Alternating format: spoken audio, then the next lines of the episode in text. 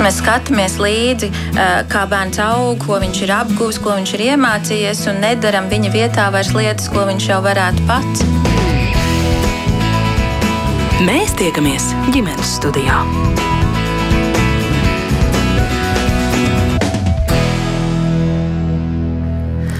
Labdien! ģimenes studija sāk savu skanējumu. Jūs sveicina raidījuma producenti Ilza Zvaigzne un es Agnes Linka.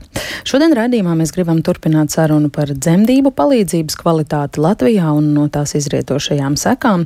Kad jūlijā par šo ģimenes studijā mēs runājām pirmo reizi un aicinājām mūsu sociālo tīklu sekotājus dalīties ar savu dzemdību pieredzi, ja viņām šķiet, ka tā bijusi vardarbīga, nu, tad mums likās, ka tās būs varbūt kādas dažas vēstules, taču izrādījās, ka mūsu ziņojumu sadaļa gan Instagram, gan Facebook Facebook vietnē šie stāsti to burtiski pārpludināja, un tie turpina joprojām pienākt. Mēs saņemam vēstules ar ļoti skarbiem stāstiem, tāpēc turpinām šo tematu, analizējot aizvien jaunus un jaunus problēmas aspektus. Jāpiebilst, ka līdztekus ģimenes studijai vardarbībai kā, kā problēmai Latvijas dzemdniecībā ir pievēršies arī mūsu kolēģi, tā piemēram Latvijas radio pētnieciskās daļas žurnālisti. Nu pat pagājušajā nedēļā, 8. septembrī, nāca klajā raidījuma atvērtie faili epizodi.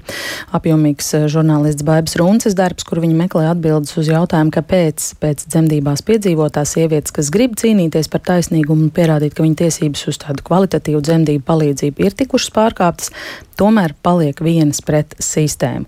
Un tāpat arī kolēģi no portāla LSM ir publicējuši rakstu sēriju par šo problemātiku, izgaismojot vairākus smagus pieredzes stāstus un arī ārstniecības iestāžu skaidrojumus un mediķu reakcijas, kā arī vecāku stāstus par dzemdībās un arī bērnu pirmajā gadā piedzīvoto pēcāk ārstniecības iestādēs, jo skaidrs, ka nereti problēmas dzemdībās rezultējas arī ar bērnu veselības traucējumiem. Un gan atvērta atvērtajos failos, gan jāsaka arī LSM rakstos, iezīmējās tas, ka, kā teica viena no mūsu intervētajām mamām, vārdarbība dzemdībās un tās izraisītās traumas nebeidzas tajā vietā un tajā dienā. Tas viss turpinās un būtiski ietekmē manu un bērnu veselību ilgtermiņā, kā arī atstāja smagu psiholoģisku nospiedumu. Tieši tāpēc šodien ģimenes studijā mēs turpinām šo tēmu ar diskusiju par situācijām, kad nekvalitatīva dzemdību palīdzība iespējams fiziski vai emocionāli vardarbīgi izturēšanās pret sievieti dzemdību laikā vainagojas ar mātes vai bērna traumu. Kā šādas situācijas atpazīt, kā saprast, kas ir noticis un pie kādiem nosacījumiem to vispār iespējams klasi klasificēt, kā piemēram medicīnisko kļūdu? Kā tiek vākta statistika par jaundzimušajiem, kas cietuši dzemdībās, un um, kā tiek izvērtēts, kāpēc tas ir noticis? Šos un citus jautājumus šodien uzdošu ekspertiem, kas eh, šodien kopā ar mums ģimenes studijā šeit klātienē sveicina zvērināts advokāts, medicīnas tiesību biroja izveidotājs eh, Ronalds Roškalns. Labdien! Labdien! Telefoniski ar mums kopā arī Rīgas dzemdību nama galvenā neonatoloģa Inese Bļodniece. Labdien! Labdien! Un arī Ogres slimnīcas un eh, arī mājdzemdību vecmāte Ilze Perceva. Esat sveicināti ģimenes studijā. Labdien! Un kā alaži arī jūs klausītāji esat aicināti pievienoties šai sarunai. Ja jums ir kas sakāms, kādi jautājumi par tematu, tad eh, vaicāsim speciālistiem kopā. Tātad jūs komentārus, viedokļus vai jautājumus rakstiet mums ģimenes studijā no Latvijas radio mājaslapas. Lai iesākumā nedaudz ieskicētu, kādas tad vispār ir eh, biežākās dzemdību traumas un iesākumā es piedāvāju runāt par bērniem, eh, es citēšu slimību profilakses kontrolas centra mums dotos datus par pēdējiem diviem pilnajiem gadiem, 2020. un 2021. gadu. Jā, tad eh, varbūt lūksim kolēģi mēģinās pārzvanīt, atjaunot savienojumu. Vai tā, kas mūs slikti dzird, bija Inese Bļodniece vai vecmāte Ilze Perceva? Es dzirdu ļoti labi. Jā, tā, kas dzird labi, ir Ilze. Ilzi dzird labi, tātad eh, doktorē Bļodniecei mēģināsim pārzvanīt. Eh, skaitļus, par kuriem es runāšu, viņa droši vien eh, labi zina. Uh, jo tie ir par pēdējiem diviem pilnajiem gadiem, uh, un šie dati liecina, ka izplatītākās jaundzimušo traumas dzemdībās ir kefalohematomas. Tāds gadījums ir 381 2020. gadā un 394 2021. gadā, kā arī atslēgas kaulu lūzumi - 155 gadījumi 2020. un 148 gadījumi 2021. gadā. Ja mums būtu šobrīd savienojums ar doktoru Bļodnieci, tad es varētu jautāt viņai, kas vēl ir pieskaitāms pie dzemdību traumām. Jā, doktora Bļodniece pagaidām vēl nav. Tad, um, tad es jautāšu, Ilza, varbūt sāksim sarunu ar jums. Mainīsim jautājumu secību. Kādas ir biežākās sieviešu mm, fiziskās pēcdzemdību traumas? No sieviešu pēcdzemdību traumas visbiežākās droši vien arī ir šis psiholoģiskais nospiedums, kad sieviete nevar ar prieku atcerēties šo dzemdību pieredzi. Nu, droši vien, kad viņas visbiežāk arī paliek neārstētas, neizrunātas, Jā, bet ja mēs runājam par fiziskajām sekām, vai jūs varat paraksturot, kas ir, kas ir tās problēmas, ar, ar ko visbiežāk sastopas, ko mēs varam saukt par dzemdību traumu fiziski? Nu, tie varētu būt starpenes plīsumi, pēcdzemdību asiņošanas, tādas lietas. Uh, tās lielā mērā arī varētu būt saistītas ar bērna, ar bērnu izmēriem, īpaši starpenes plīsumi.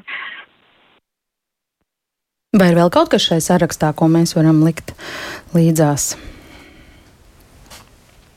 Nu, tie starpenes plīsumi, es to pasaku divos vārdos, bet nu, tas ir ietver diezgan, diezgan sarežģītas lietas. Tas var ietvert, pēc tam nepieciešama plastiku dažādu veidu un, un tam līdzīgas lietas, ko varbūt tas nebūtu aktuāli. Jā.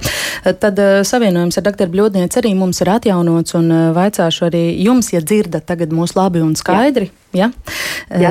Vai jūs varat pāraksturot, kas vēl bez manis pieminētajām hematomām un atslēgu kaulu lūzumiem vispār ir pieskaitāms pie dzemdību traumām bērniem? Nu, es gribētu vēlreiz pieskarties tam jau, ko jūs minējāt, ka pirmais, ko es gribētu vispār, ja mēs runājam par bērnu traumām, jaundzimušo traumām, ka nevajag tās traumas uztvert vienmēr tā kā mediķu pāri nodarījumu bērnam.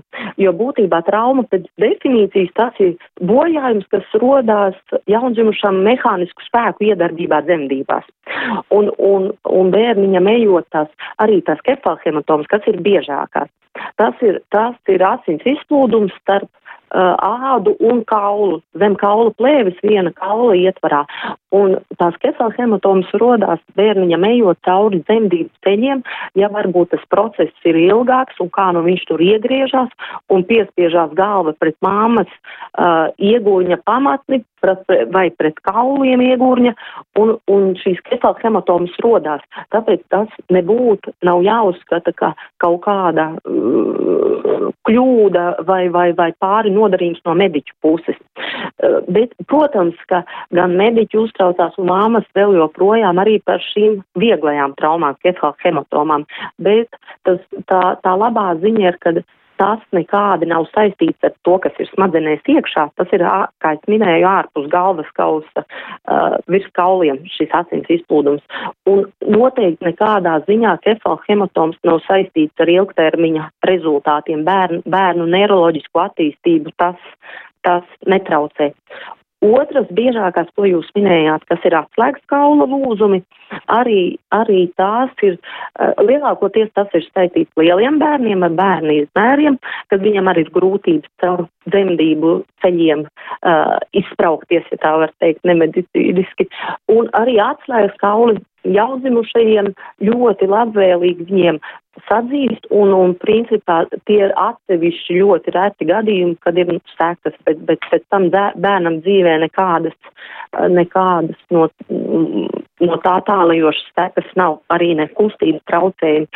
Protams, starp dzemdību traumām, bet nu, ja, es teiktu, ka tās uh, tās, kas ir smagākās traumas, pilnīgi noteikti nav problēma Latvijā, un tās ir izcili reti gadījumi, piemēram, arī no kaulu lūzumiem, tie var būt garie, kā, garo kaulu lūzumi, vai, vai, piemēram, hemorāģijas, nu, smadzenēs, asins izplūdums smadzenēs, ka, ko varētu uzskatīt kā traumatiski, tie ir tiešām izcili kaut kādi atsevišķi gadījumi, varbūt pat ne katru gadu, varbūt pa pāris gadiem, kas, -hmm, kas rodās. Uh, Dakter, lai mēs aptvertu visu to uh, loku, to spektru, uh, es tagad skatos SPKC mums dotajā statistikā, te ir rakstīts, ka dati par dzemdību traumām 2021. gadā uz visiem dzīvi dzimušajiem bērniņiem ir 620.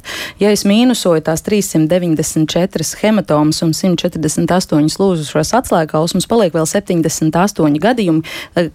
Kas varētu būt citas tās diagnozes?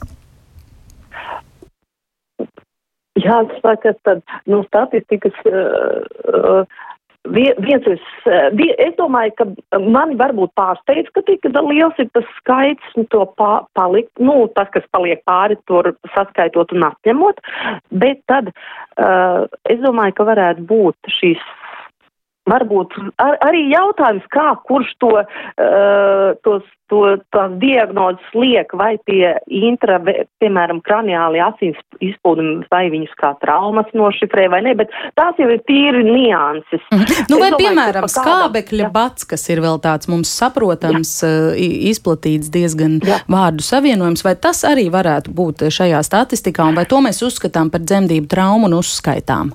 Nē, pilnīgi noteikti nē tas ir pilnīgi cita kategorija skābekļa bats, un tam nav nekāda sakara ar mehānisko iedarbību, kas uz bērnu notiek dzemdību laikā. Bet tas ir kaut kas, kas atstāja fiziskas sekas tālāk uz bērna, uh, piemēram, neiroloģisko attīstību, kā jūs sākumā teicāt. Tas ir, tas ir daudz bīstamāk, ka šī grupa ir tieši uz tālāko neiroloģisko attīstību skābekļa jeb ko uh, medicīniski termins hipoksija un asfiksija tālāk dzemdībās. Tas ir tas, no kā mēs vairāk baidamies. Kā, kā, kā dati tiek uh, par šo uzskaitīti un vākti? Kāda varētu būt tā statistika? Nu, tā, tad par hipoksiju, ja mēs runājam, tas atkal ir medicīniski tāda plaša tēma. Jo viens ir, ka hipoksija var būt uh, tāds nosacīts skābekļa bats jau mammas vēderā, intrauterīni, ko mēs diagnosticējam dažādām metodēm, ultrasonogrāfijā ar, ar, ar auglīšu sirstoņu izklausīšanu uh, jau pirms dzemdību darbības. Uh, bet dzemdībās, arī tieši dzemdībās mēs šo skābekļa badu vienmēr monitorējam ar uh, augus parāda signālus, vai viņš dod vai nē.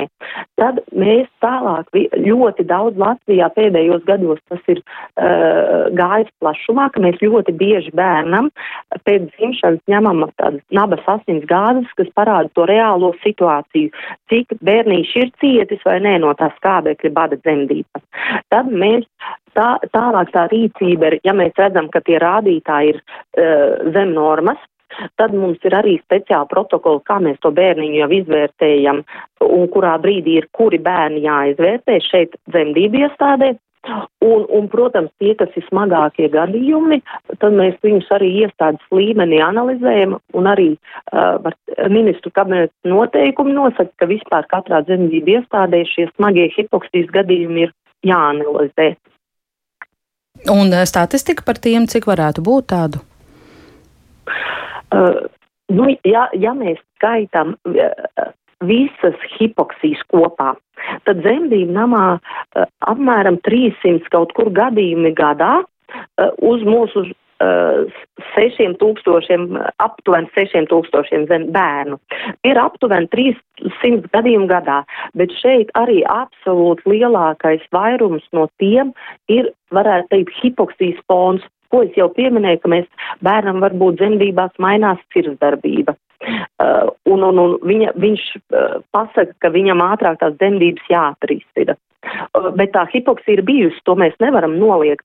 Un, nu, bet bet tā, tālāk bērnam sekas nav, un viņš pilnīgi labi, normāli uh, vis, visu sevi uh, parāda jau pēc dzimšanas, uzreiz ar labu apgāžu skalu un tā. Tad, bet, bet vienalga to diagnozi mēs, piemēram, liekam. Uh, bet tādi smagi gadījumi ir apmēram dzemdību namā pagājušā gadā ir 12, pie mums ir bijuši 12, nu, kaut kur svārstās starp 12, 20 gadījumiem, es teiktu, gadā. Procents salīdzinoši neliels. Ļoti. Diezgan garš ievads mums ir izdevies, bet es tad gribu iet tālāk un jums jautāt, kā tas ir, kāpēc dzemdībām tiek izvērtēts tas, vai dzemdību palīdzība ir sniegta kvalitatīvi un vai šīs traumas, ko bērns ir guvis, vai arī kaut kāda grupa, piemēram, šīs hipoksijas, asfiksijas, ko jūs sakāt, nesauc par traumām, bet sauc citādāk, vai tās ir bijušas izbēgams vai neizbēgams, jo es kādā rakstā, kur jūs arī tikāt intervēti, lasīju, ka zinātniskajā literatūrā dominē tāds uzskats, ka aptuveni puse no dzemdību bērnu dzemdību traumām, izvērtējot riska faktors, būtu novēršamas. Kā tas tiek pēc tam izvērtēt, izvērtēts? Nē, par, es, es domāju, ka puse tas nav mans citāts, bet uh, būtībā par izvērtēt mēs, protams, ne visus gadījumus, kuri kefalhematoma, to, ko es jau sākumā minēju, vai atsāks kaulu lūzumi, tos visus gadījumus nav iespējams izmeklēt, var teikt, tā sīki, un arī tas nav nepieciešams. Bet kas ir smagākie gadījumi, mēs, mums ir speciāla sistēma, kā mēs to, to, to izvērtējam, pēc kādiem kritērijiem un, un, un vērtējam, vai tā aprūpe bija optimāli, vai varbūt varēja kaut ko darīt savādāk. Jā. Doktor Bļodens noteikti pēc brīža vēl uh, komentēs. Uh, jautāšu vecmātei Ilzei uh, Percevai. Mēs jau iesākām rādījumu sākumā sarunu ar jums par to, kādas ir biežākās sieviešu pēcdzemdību traumas, vai arī par tām sievietes dzemdību laikā gūtajām fiziskajām traumām runājot, var teikt līdzīgi, ka um, ir kādi, es nezinu, pētījumos balstīti uzskat, ka daļa būtu novēršams un daļa tad ir nu, nenovēršams, kā jūs teicāt, tur bērnu svars vai tam līdzīgi. Nu, daļa varbūt arī būtu novēršamas, uh, izvēloties dzemdību taktiku.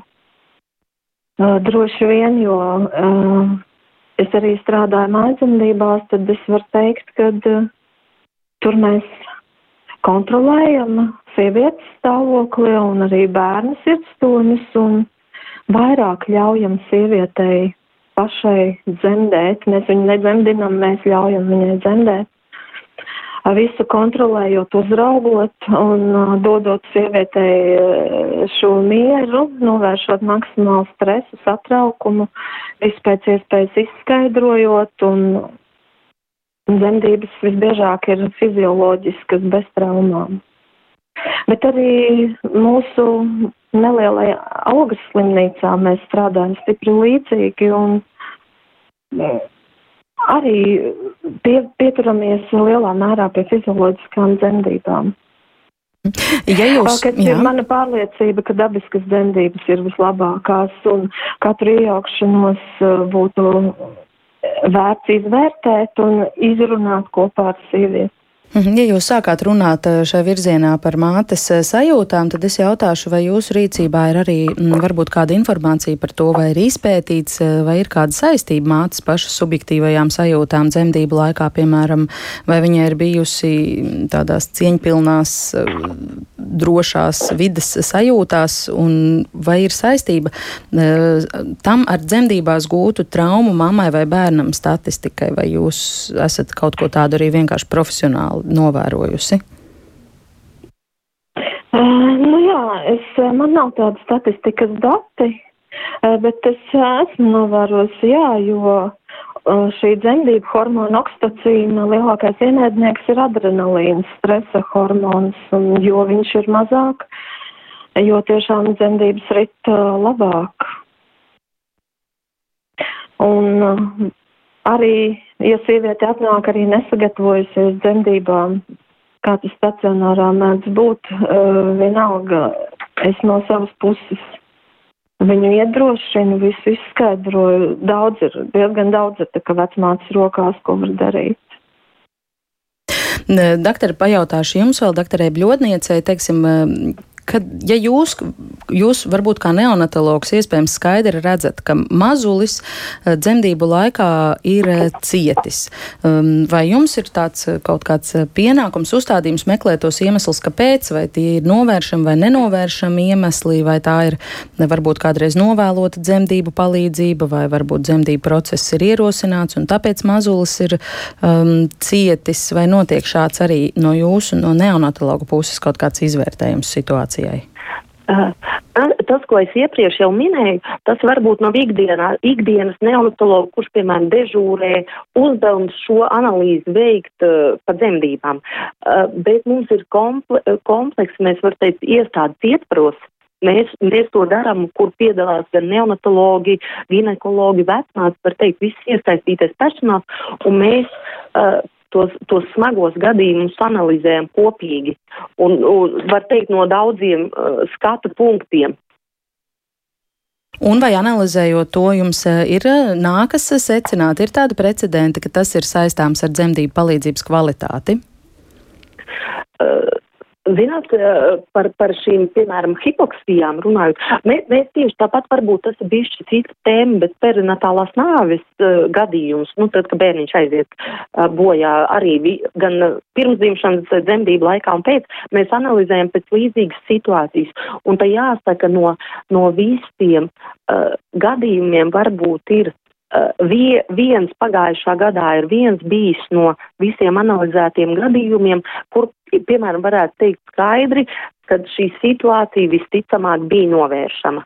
Lielākā daļa jau tie gadījumi arī tā vie, vie, pilnīgi precīzi pateikt, ka tajā brīdī bija jādara tā, ja, nu, kā būtu, ja būtu medicīnā nekad atpakaļ nepagriezīs. Respektīvi, racionāli izvērtēt, ka jūs sakāt grūti. Ja. Nē, mēs cenšamies, nē, ir, ir izvēr, izvērtēt, nav grūti, bet tā, tas, ko jūs te prasat tajā, tajā virzienā, ko es domāju, ka simtprocentīgi uh, pateikt, ja, ka tie ir rēti gadījumi, ir, ka tā simtprocentīgi var pateikt, ka tajā brīdī tas būtu izmainījis. Jā. Kolēģis Zvērnāts advokāts medicīnas tiesību specializāciju Ronalds Roškalns ir ilgāku laiku uzmanīgi klausījies. Es gribu iesaistīt arī jūs mm -hmm. šajā sarunā un vaicāt, mm, teiksim, vai jūsu praksē ir tie precedenti, ka māte vai bērns ir guvis dzemdību traumu, cilvēki vēršas pie jums un kā jūs skaidrojat, tad pie kādiem nosacījumiem var runāt par tā saukto medicīnisko kļūdu kaut ko šķetināt, analizēt un pierādīt? Jā, arī pie manis ir vērš šādi, šādi mm, klienti, kuri ir cietuši dzemdībās, vai nu ir, ir, ir bijis ievainots vai pat gājis bojā jaundzimušais, vai arī ir, ir bojā gājuši abi. Jā, arī tādi gadījumi arī pie manis ir vērsušies. Un, um, droši vien, kad pie advokāta ehm, cilvēku vēršas tik tiešām arī tad, kad ir tie smagākie gadījumi. Ja, un, um, Es arī uzklausīju par šo statistiku, par, par uh, traumu biežumu. Droši vien, ka šīs kefalohematomas un, un uh, kaulu lūzumi nebūs tie gadījumi, ka arī tādi, protams, ir, bet uh, tie nebūs tie biežākie. Ja. Um, droši vien, ka biežākie um, strīdus objekti, uh, tad, tad strīdi veidojas galvenokārt, kad ir tiešām arī, kā doktora Bļodniece arī minēja, ir šie smagākie gadījumi, um, tātad hipoksijas radīti bojājumi uh, jaundzimušā organismam, tā izskaitā arī centrālajai nervu sistēmai, kas atstāja nu, paliekošas izmaiņas visu, visu atlikušo dzīvi. Un, jā, es varu piekrist, ka šie gadījumi ir nu, grūti vērtējami. Ja, tā, un, un retrospektīvi tas, protams, viss izskatās daudz skaidrāk un saprotamāk. Bet, um, to, ko es gribētu arī uzsvērt no savas puses, ja, ka um, šīs medicīniskās kļūdas konstatēšanai, kas nu, principā tiek de definēta uh, medicīnas tiesību, judi, uh, medicīnas tiesību literatūrā, kā um, ārstnieciskās darbības neatbilstība noteiktām um, zinātniski pamatotam standartam. Uh, tad, tad um, tas būtiskākais ir ārstam, vecmātei dzemdību laikā tomēr ievērot zinātnisku pamatojumu. Ja? Un, un uh, pieredze rāda, ka biežāk uh, tas ir zināms, bet uh, šīs kļūdas un, un uh, attiecīgi arī smagā, smagās sekas rodas.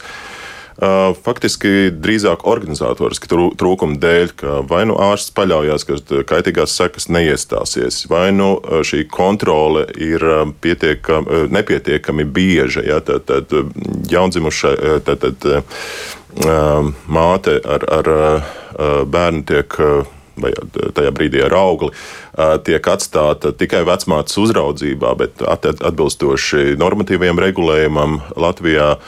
Vecmātes var tikai vadīt tikai fizioloģiskas dzemdības vienas pašas, bez ārsta piedalīšanās. Ja? Tad, cit, citreiz ir, ir pārlieku liela uzticēšanās, un, un tomēr šī kompetence tiek pārkāpta. Ja? Un, un, Nu, jāatzīst arī šobrīd arī finansiāla ekonomiskā situācija valstī ir tāda, ka bieži vien certificēta ārsta palīdzība uzņemšanas nodaļās, dzemdību nodaļās var izrādīties kā ekskluzīvs pakalpojums. Jā, tad, tad gluži vienkārši ārstu nav. Ja, ja ir, tad tie nereti ir ārsta rezidenti, kas vēl nav certificēti, kas piln, pilntiesīgi, pilnvērtīgi nevar strādāt. Un tāds ir tas droši vien tas iemesls, kāpēc tādas situācijas rodas, kad ir jau jāvērš pie advokāta un iespējams arī tālāk arī tiesā. Uh mhm. -huh. Bet, nu, piemēram, mums strādājot ar šo tēmu ilgstoši, ļoti mm, daudzos gadījumos nācās saskarties ar to, ka vecāki stāsta, kāda bija tā situācija, un tad ir tās bažas par to, ka mm, nu, jā, manam bērnam, piemēram, tagad ilgstošas sekas, tur fizioterapija, vēl varbūt kaut kādi attīstības traucējumi, mm, bet uh, nav īsti skaidrs, kā tās situācijas tālāk pierādīt, kaut ko šķetināt, risināt, vai, vai, vai tas vispār ir darāms, ko šajā gadījumā, kur var novilkt to robežu, kas ir uh, medicīniskā kļūda un uh, kā to vispār analizēt, atrast. Jā, kā to konstatēt? Kā to risināt?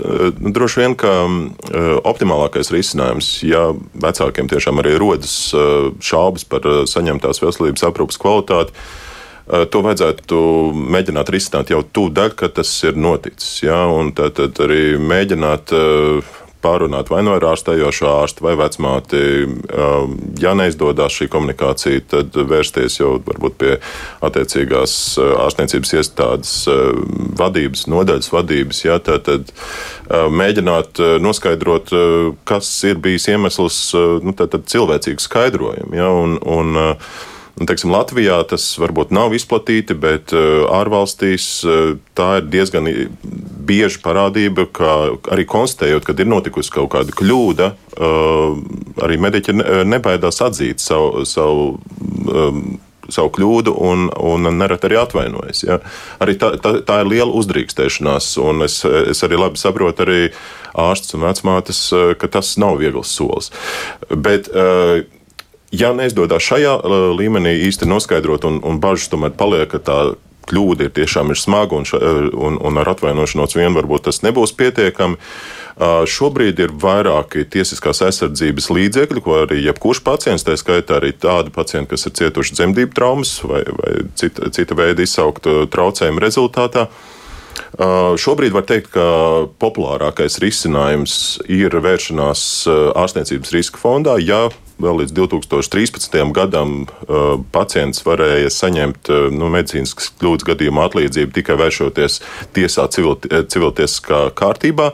Tad šobrīd, pēc 2014. gada, šis ārstniecības riska fonds ir, ir izveidots jau no, var teikt, ar tādu cilvēcīgāku seju, kas ļauj noteikti vienkāršāk arī saņemt šo atlīdzību, ja ir notikusi kļūda. Nu, un arī, kas nav nozīmīgi, arī šajā gadījumā netiek sodīts ārsts, vecmāte, kas ir pieļāvuši kļūdu. Ja? Un tā ir tā saucamā Eh, ziņošanas mācīšanās sistēma, kas ir pārņemta no Skandinavijas valstīm, kurā nu, ir eh, mērķis nevis eh, sodīt ārstu, piemērot viņam cietumsodu, naudas sodu, cita veida sodu, bet gan ieinteresēt pašu ārstu, ārstniecības iestādi ziņot par šādiem gadījumiem, ja, kā mēs arī dzirdējām, kad ir tādi smagie gadījumi un uh, censties rast uh, sistēmisku risinājumu. Jā. Diemžēl Latvijā šis, uh, šis modelis īsti līdz galam nestrādā. Pat ja pacients saņem uh, atzinumu no veselības inspekcijas, uh, ka ir notikusi kļūda un, un ir nodarīts kaitējums un pienākas atlīdzība. um, šī sistēmiskā atgriezniskā saite nu, līdz galam nestrādā. Ja, kā arī Bļodnieces kundze arī, arī norādīja, uh, Katrā ārstniecības iestādē atbilstoši ministrs kabineta noteikumiem ir tas jāizvērtē. Ja, tad, tad šie smagie gadījumi, kļūdu rašanās iemesli, bet tādā sistēmiskā līmenī valstī, lai teiksim, šīs kļūdas apkopotu, lai tās nerastos, eh, turpmāk tas diemžēl netiek veikts. Un patiesībā jau pacienti um, vēršoties, teiksim, pie advokāta vai citu tiesisku risinājumu uh, meklējot, uh, tas mērķis jau nav uh, parasti iegūt atlīdzību, kompensāciju. Mērķis, nu, es varu teikt, ka tuvu 90%, pat varbūt iespējams vairāk, ir panākt to, lai citām ģimenēm tāda nelaime nenotiktu. Ja? Un tas ir ļoti būtiski. Mm -hmm. uh... Mīnes vai Ilza, vai jums klausoties kolēģi, ir kaut kas, ko gribētos piebilst vai piemetināt vēl pie šī? Jā. Es pilnībā gribu piekrist Roškāna kungam. Varbūt es, e, tad, kad es pieminēju, kā mēs dzemdību namā analizējam šos smagos gadījumus, gan, gan nāvis gadījumus, gan uh, tos smagos asfiksijas gadījumus, tad jāsaka, mums ir tieši šī sistēmiskā pieeja, ka mēs uh, nekoncentrējamies uz vienu, varbūt kaut kādu darbību vai uz personu. Un, un ta, ta, jebkuram auditam, nu, viņu var vā, tādā svešvārdā varam saukt auditu, uh, viņam ir tie pamatprincipi ne, nevainot un nemeklēt vainīgos un nesodīt, bet atrast sistēmiskās kļūdas. Un mēs skatāmies tieši no šiem dažādiem skatu punktiem, nu kaut vai piemēr, uh, minot piemēru, vai bija pieejama laikā operācijas zāle, vai bija ārsts pieejams, vai bija aparatūra nodrošināta, un tur ir, tas ir tikai piemēram, es minu, bet viņi ir ļoti plaši tie jautājumi, ko mēs katrā gadījumā izskatām. Par sistēmisko pieeju un tiem datu apkopojumiem, ko Roškāna kungs minēja. Uh, tā uh, zināmā mērā var piekrist, ka mums uh, nav pa visām slimnīcām apkopojums, bet kaut kā piemēram, zemdību namā, ja mēs šos gadījumus analizējam, un mums galvenā ārste ir vienlaikus arī profesora Redzeberga ministrijas galvenā speciāliste, un ja mums Latvijā dzimst trešdaļa Latvijas bērnu dzemdībnamā, tad tā informācija jau tomēr arī tai sistēmā uh, atpakaļ aiziet, un mēs, piemēram, saprotam, kas ir tās vājās vietas, un tad caur, caur profesoru kā ministrijas galveno speciālistu tie, tās lietas arī tiek, uh, tiek risinātas. Varbūt mums nav tāds uh, valstiski audits, vēl, vēl gan mirstības, gan, piemēram, to asfiksijas gadījuma audits uh, tā kopumā aptverts, bet, bet tā, ka nekas nenotiek šai virzienā arī gluži nevarētu teikt. Jā. Ilze Perceva vecmāte ir ilgāku laiku atkal kolēģos klausījusies, grib dot arī jums vārdu. Vai jūs varat eh, paraksturot arī, kā jūsu pārstāvētie ārstniecības iestādē, teiksim, Ugras slimnīcā, tiek izvērtētas arī pēc tam mātes gūtās eh, tās fiziskās pēcdzemdību traumas un analizēts, kā tas ir noticis, vai tas ir vai nav bijis novēršams? Jā, mēs visus uh, nopietnākos gadījumus, uh, traumatiskākos gan mātei, gan bērnam, mēs viņus visa nodaļa uh, kopā, pēc iespējas visu nodaļu kopā izskatām, gan bērnu ārsts, gan ginekologs. Mēs viņus izpētam un, un izskatām. Kādi ir tie Pilnīgi. secinājumi parasti? Nu, secinājumi ir katrai, katrai situācijai atbilstoši ir secinājumi. Jums visiem ir kopā ar uh, topošām māmiņām bērnam mums visiem ir viena mērķa, lai ir uh, piedzimuši veselu bērnu un nu, laimīgs sievietes pēc dzemdībām. Un, un kas ar tiem secinājumiem notiek tālāk? Jūs tos vienkārši pieņemat uh, savai zināšanai, vai arī, piemēram, nezinu, sievietes kādreiz vēršas pēc kādiem uh, atzinumiem? Nu, vairāk savai zināšanai uh, par par statistiku, kā tas tālāk aiziet, es nepateikšu. Bet jā, mēs mācāmies no viss tā, kas notiek. Es gribu vērst jūsu uzmanību, aicināt parunāt vēl par tādu vienu aspektu, kas parādījās ļoti daudzās mūsu klausītāju vēstulēs. Uh, tajos mums uzticētajos stāstos, un, kā jau es sākumā teicu, tie ir sociālie tīkli un tātad diezgan jauna auditorija, jaunas sievietes, kas nesen dzemdējušas pēdējos gados, un tur parādās tāds aspekts par šo te kristēlera paņēmienu, kas ļoti bieži tiek pielietots dzemdībās, un um, mammas to interpretē gan kā vardarbību pret uh, sevi, gan arī bieži vien saista pēc tam ar uh, traumām bērnam, kas, ko, ko bērns ir mm, guvis. Nu, tātad paņēmiens, kad ārsts vai vecmāte no visa spēka ar visu svaru gulstas uz vēdera. Mm, un Mēs, piemēram, pēdējā laika diskusijās visu laiku dzirdam, ka dalās tie viedokļi, vai mūsdienās šis paņēmiens jau skaitās aizliegts, vai tikai nav mūsdienīgs un nav ieteicams, bet, kad mēs jautājam par šo mediķiem, visi kā viens saka, nu tas ir tikai spiediens uz fundusu, tā ir tāda viegla dzemdes augšdaļas pieturēšana, mātes eh, diezgan bieži raksturo to, ka tur krīt virsū, gāžās virsū, spiež no visa spēka. Kā, piemēram, to ir iespējams izšķirt eh, un, un izvērtēt, kā tad tur īsti ir bijis? Ogres slimnīcā tā, tāds paņēmiens vispār netiek pielietots. Bet netiek pielietots tāpēc, ka neatļauts, vai tāpēc, ka jums nepatīk, vai tāpēc, ka kaut kādi citi iemesli? Tāpēc, ka mums ir citi paņēmieni, mēs varam mainīt pozas sievietē, mums viņai nav jāguļ obligāti uz tā saucamā galda. Viņa var būt tupus, rāpus, mēs viņu rosinām pašu sameklēt, kādā pozā viņa vislabāk sajūtu, laist mazulīt ārā. Mēs viņai varam palīdzēt dažādos citos veidos. Mums ir dzemdības soliņš, sens tāds dzemdību instruments, uz kuru var sēdēt un, un palīdzot gravitācijai laist mazulīt ārā.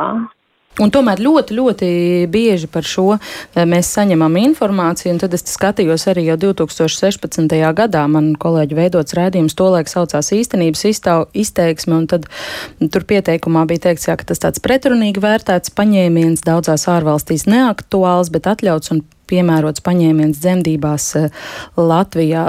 Doktor Bļodniec, kā jūs to vērtējat, vai tas var būt traumatisks bērnam? Uh, Jā. Pirmais, te, teikšu, ka neesmu ginekologs, to varu tikai no malas komentēt, bet, bet viens ir tiešām šis kristēlēt paņēmiens, tā vairs nav modernā dzemdniecība arī Latvijā, jāsaka, un, un, un reizēm to, to, kas ir pieļaujams šī fundus, nu, tā kā pieturēšana medicīnas, nu tad uh, to, nu jā, kā to subjektīvi, kā to pasniedz mediķis, to redz, un kā to redz tā māma. Bet, protams, kad uh, vardarbīga, var teikt, ja tā bērna spiešana ārā, uh, tas nav pieļaujami, jo būtībā jau bērns jādzemdē sievietei. Ne jau vecmātei, ja? bet, bet, bet, nu, ir, piemēram, tā, kurās gadījumos varētu būt šī, piemēram, pieturēšanu dzemdes.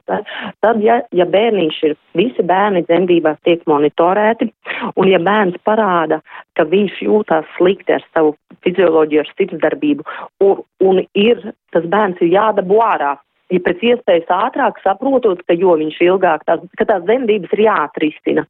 Nu, ta, tad ir šie, ko vecmāt arī minēja, varbūt, nu, tur pozas vairs nepalīdzēs, bet tad ir šīs instrumentālās dzemdības, kas vakuma ekstrakcijas, ko, ko pielieto, un tas ir tas risinājums. Bet, bet to, ko sauc par kristēlera paņēmienu, tā vairs nav mūsdienīgas metodas. Tas nozīmē, ka mēs varētu apgalvot, ka dzemdību namā tas netiek pielietots nu, diezgan droši es kā neonatologs teiktu, ka nē. Uh -huh. Ronald, vai jūs eh, saskaraties arī varbūt eh, pie to cilvēku stāstos ar šo mm, paņēmienu pielietošanu, kas pie jums vēršas, un vai, vai, vai, vai, vai ir vispār iespējams to izšķirt, izvērtēt, kam, kam tur taisnība, tam, ko māte novēroja, kas ar viņu notika, vai to, ko, tas, kas pēc tam parādās medicīniskajā dokumentācijā, Jā. piemēram? Jāatzīst, ka pēdējos gados tiešām šo, šo gadījumu skaits ir, ir tendence mazināties. Gadus atpakaļ tas bija biežāk. Pavisam vienkārši mans komentārs būtu tāds, ka šī kristālera met, metodas pielietošana viņai ir, ļoti vājs zinātnisks pamatojums, un līdz ar to arī tā efektivitāte ir apšaubāma. Arī, uh, Pilnīgi noteikti arī dzemdību nama vadītāja Resberga, profesora Resberga arī, arī ir arī publiski to arī apliecinājis, ka dzemdību namā faktiski tādas šīs metodas netiek pielietotas pilnīgi mm. noteikti, un, un viņa arī skeptiski arī attiecas, ka to arī izmanto šajās citās ārstniecības metodēs, bet iestādēs. Bet kas ir būtiski, vai būtu šī kristālera metode vai kāda cita sāpīga un, un, un teiksim, tā, vardarbīga pieeja. Svarīgi ir sap, saprast, ka nu, jebkura manipulācija dzemdību laikā ir pieļaujama tikai ar dzemdētājas informētu piekrišanu. Ja? Tad, tad es ļoti labi saprotu, ka dzemdības ir, ir stresa pilnas un, un dažkārt lēmumi ir jāpieņem minūšu vai pat sekundžu laikā. Ja? Bet arī šādas situācijas prasa vismaz elementārā līmenī pacientei paskaidrot, kas notiek un kāpēc ir nepieciešams darīt to vai citu manipulāciju. Un tas, diemžēl, ļoti bieži nākas saskarties, ka mediķi nav gatavi skaidrot. Viņi uzskata, ka uh, pacients tāpatās neko nesapratīs, un tad labāk es izdarīšu tā, kā vajag, un tad jau, tad jau kā būs, tā būs. Ja? Bet tāda pieeja ir kļūdaina. Ja? Tad, šajā gadījumā ir vienmēr jāpatur prātā, ka uh, ir pacient, tas ir pacientas ķermenis, ar kuru notiek ārstniecība, un, tā, un tas ir viņas ķermenis. Un, un, uh, ārstam ir jā, jāievēro šī autonomija un jāizt, jāizturas pret to ar cieņu, lai arī cik būtu stresa pilna šī situācija. Mm -hmm. Kā to risināt, ka jūs sakāt? Nav gatavi skaidrot? Um, nav tādas iedaļas, uh, ko teiksim, uh, Nacionālais veselības dienests apmaksātu sarunu ar pacientu. Ja? Tā, tā ir faktiski ir, ir tikpat organiska ārstniecības sastāvdaļa kā, kā pašu uh, šo manipulāciju veikšana. Ja? Mm, tas ir faktiski no, noteikti tie ārsti, kas ir varbūt vairāk ir, ir strādājuši rietumu klīnikās, tiem ir tas pats par sevi saprotams. Diemžēl pie mums vēl jau vairāk vecākās paudzes ārstiem tas bieži vien īsti nav skaidrs, tas, tas vien aprobežojas tikai ar, ar ētikas normu ievērošanu, ja, bet ir jāsaprot, ka tas ir šī prasība pēc informētas piekrišanas ir ierakstīta likumā, un tās neievērošana ir saistām ar, ar vardarbību ārstniecībā. Mm -hmm. Ilze, ja es jums kā vecmātei vaicātu, vai jūsuprāt tas, ka vienmēr tiktu nodrošināts pacients ar informāciju par to, kas ar viņu notiks, varētu samazināt pacientam šo sajūtu, ka pret viņu ir vardarbīga izturēšanās un attieksme? Jā, tas varētu samazināt noteikti. Jo, nu, jāpiekrīt eh, juristam, jā, nu, var pavisam vienkārši ar piemērotu intonāciju var pasteigt sievietei, kad ir tāda un tāda situācija, un mums vajag izdarīt to un to tādēļ, ka. Un arī es domāju, ka eh, mūsu stacionārā Arī mājdemdībās, protams, viss tiek runāts. Inese mums raksta, man pie otrā bērniņa tieši ar šādu metodu arī palīdzēja. Neko sliktu nesaku, tikai paldies ārstam, ka palīdzēja gan man, gan bērnam, jo nebija laika domāt par sevi. Man svarīgākais bija, lai bērnam tajā brīdī nav slikti, nevis vēl gaidīt no ārsta vēl kaut kādus paskaidrojumus vai atļauju, kamēr bērns cieš. Un arī Inga raksta, man pielietoja gan kristēlera metodu, gan ekstrakciju, jo bērniņus pati nevarēja izstumt. Un labi, ka tā notika, jo ilgāk mediķi gaidīt, jo sliktākas sekas būtu manam bērniņam. To es sapratu pēc pēcā komunikācijā ar ārstiem. Puika ir vesels un uh, mamma laimīga. Un tomēr, Ronalds, es gribu jums uh, vaicāt, vai, teiksim, vai jūsu praksē, vai varbūt jums uh, ir zinām kādu kolēģu tuvāku tālāku precedentu, kad ir izdevies konstatēt, teiksim, kaut kāda veida medicīnisko kļūdu tieši šo dzemdību dažādu paņēmienu mēģinājumu atrisināt dzemdību laikā un pierādīt, jā, ka ka, ka, ka, ka tas ir atstājis paliekošas sekas mātei vai bērnam. Jā, to es arī gribētu uzsvērt, ka um, pieminot arī iepriekšējo ārstniecības riska fondu, ja tas ir galvenokārt vērsts uz kompensācijas uh, saņemšanu, ja, tad uh, neskar tieši šo otro pusi, individuālo prevenciju. Ja, tad, tad mēs, protams, uh, varam uzskatīt, ka rezultātu apkopošana un uh, Un, un uh, mācīšanās ir tikpat bezgalīga kā cīņa par mieru, ja? bet uh, tajā pašā laikā uh, no Latvijas starptautiskajām saistībām un arī Latvijas normatīviem aktiem izriet prasība, ka ir jābūt arī jā, jākonstatē, kas ir bijis iemesls šādai, un, un arī jākonstatē, kura konkrēta persona ir pieļāvusi šo kļūdu.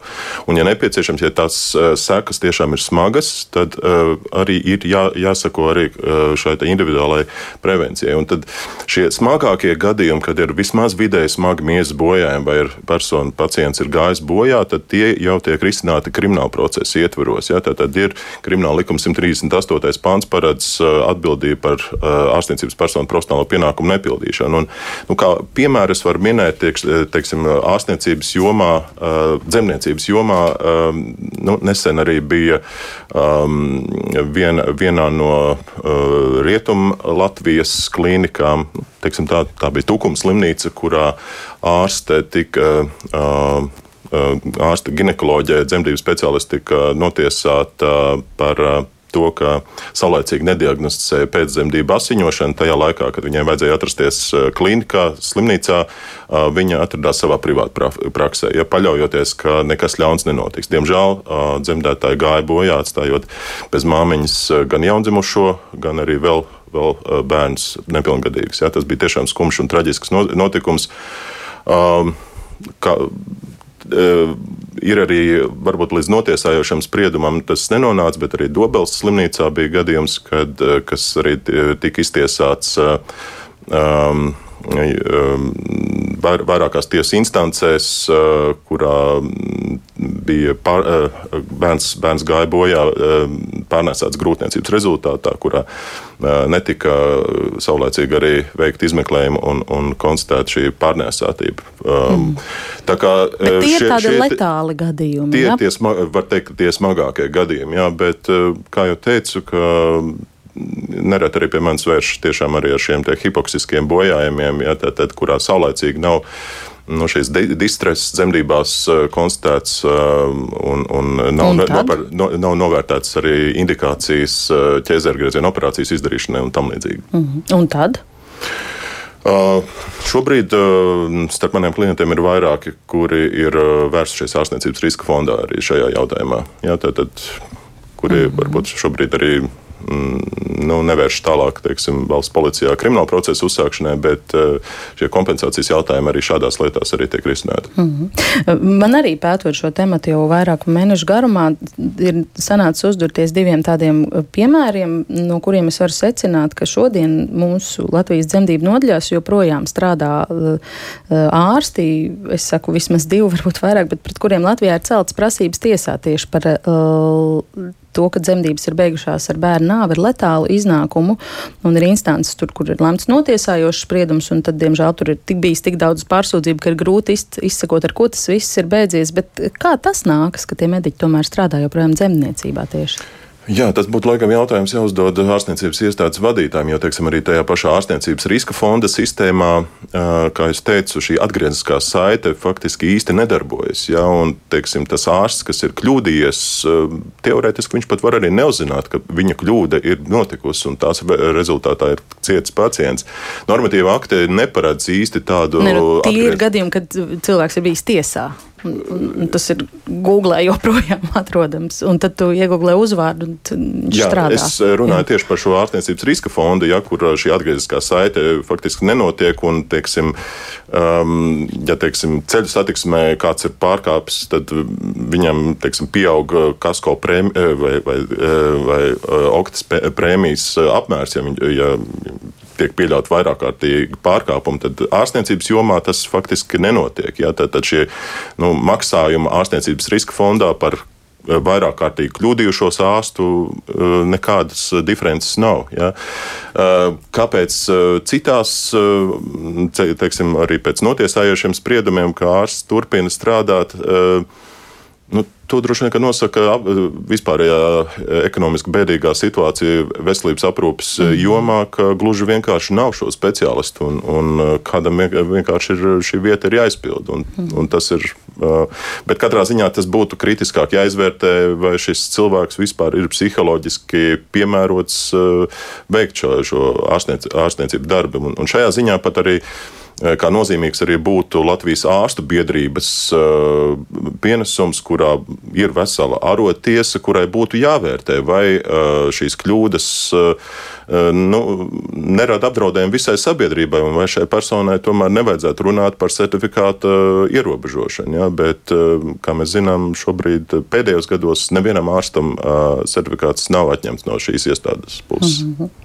Nolasīšu vēl dažus klausītāju komentārus. Kāda sieviete parakstīsies, kā dēlu māma raksta, ir jāizglīta obligātā kārtā visas topošās māmiņas, ka dzemdības nav rožu kaisīts process, ko diemžēl daudzi propagandē, bet tas ir process, kuram ir plīsumi, iegriezumi, papildus manipulācija, pielietošana, un tas ir normāls process.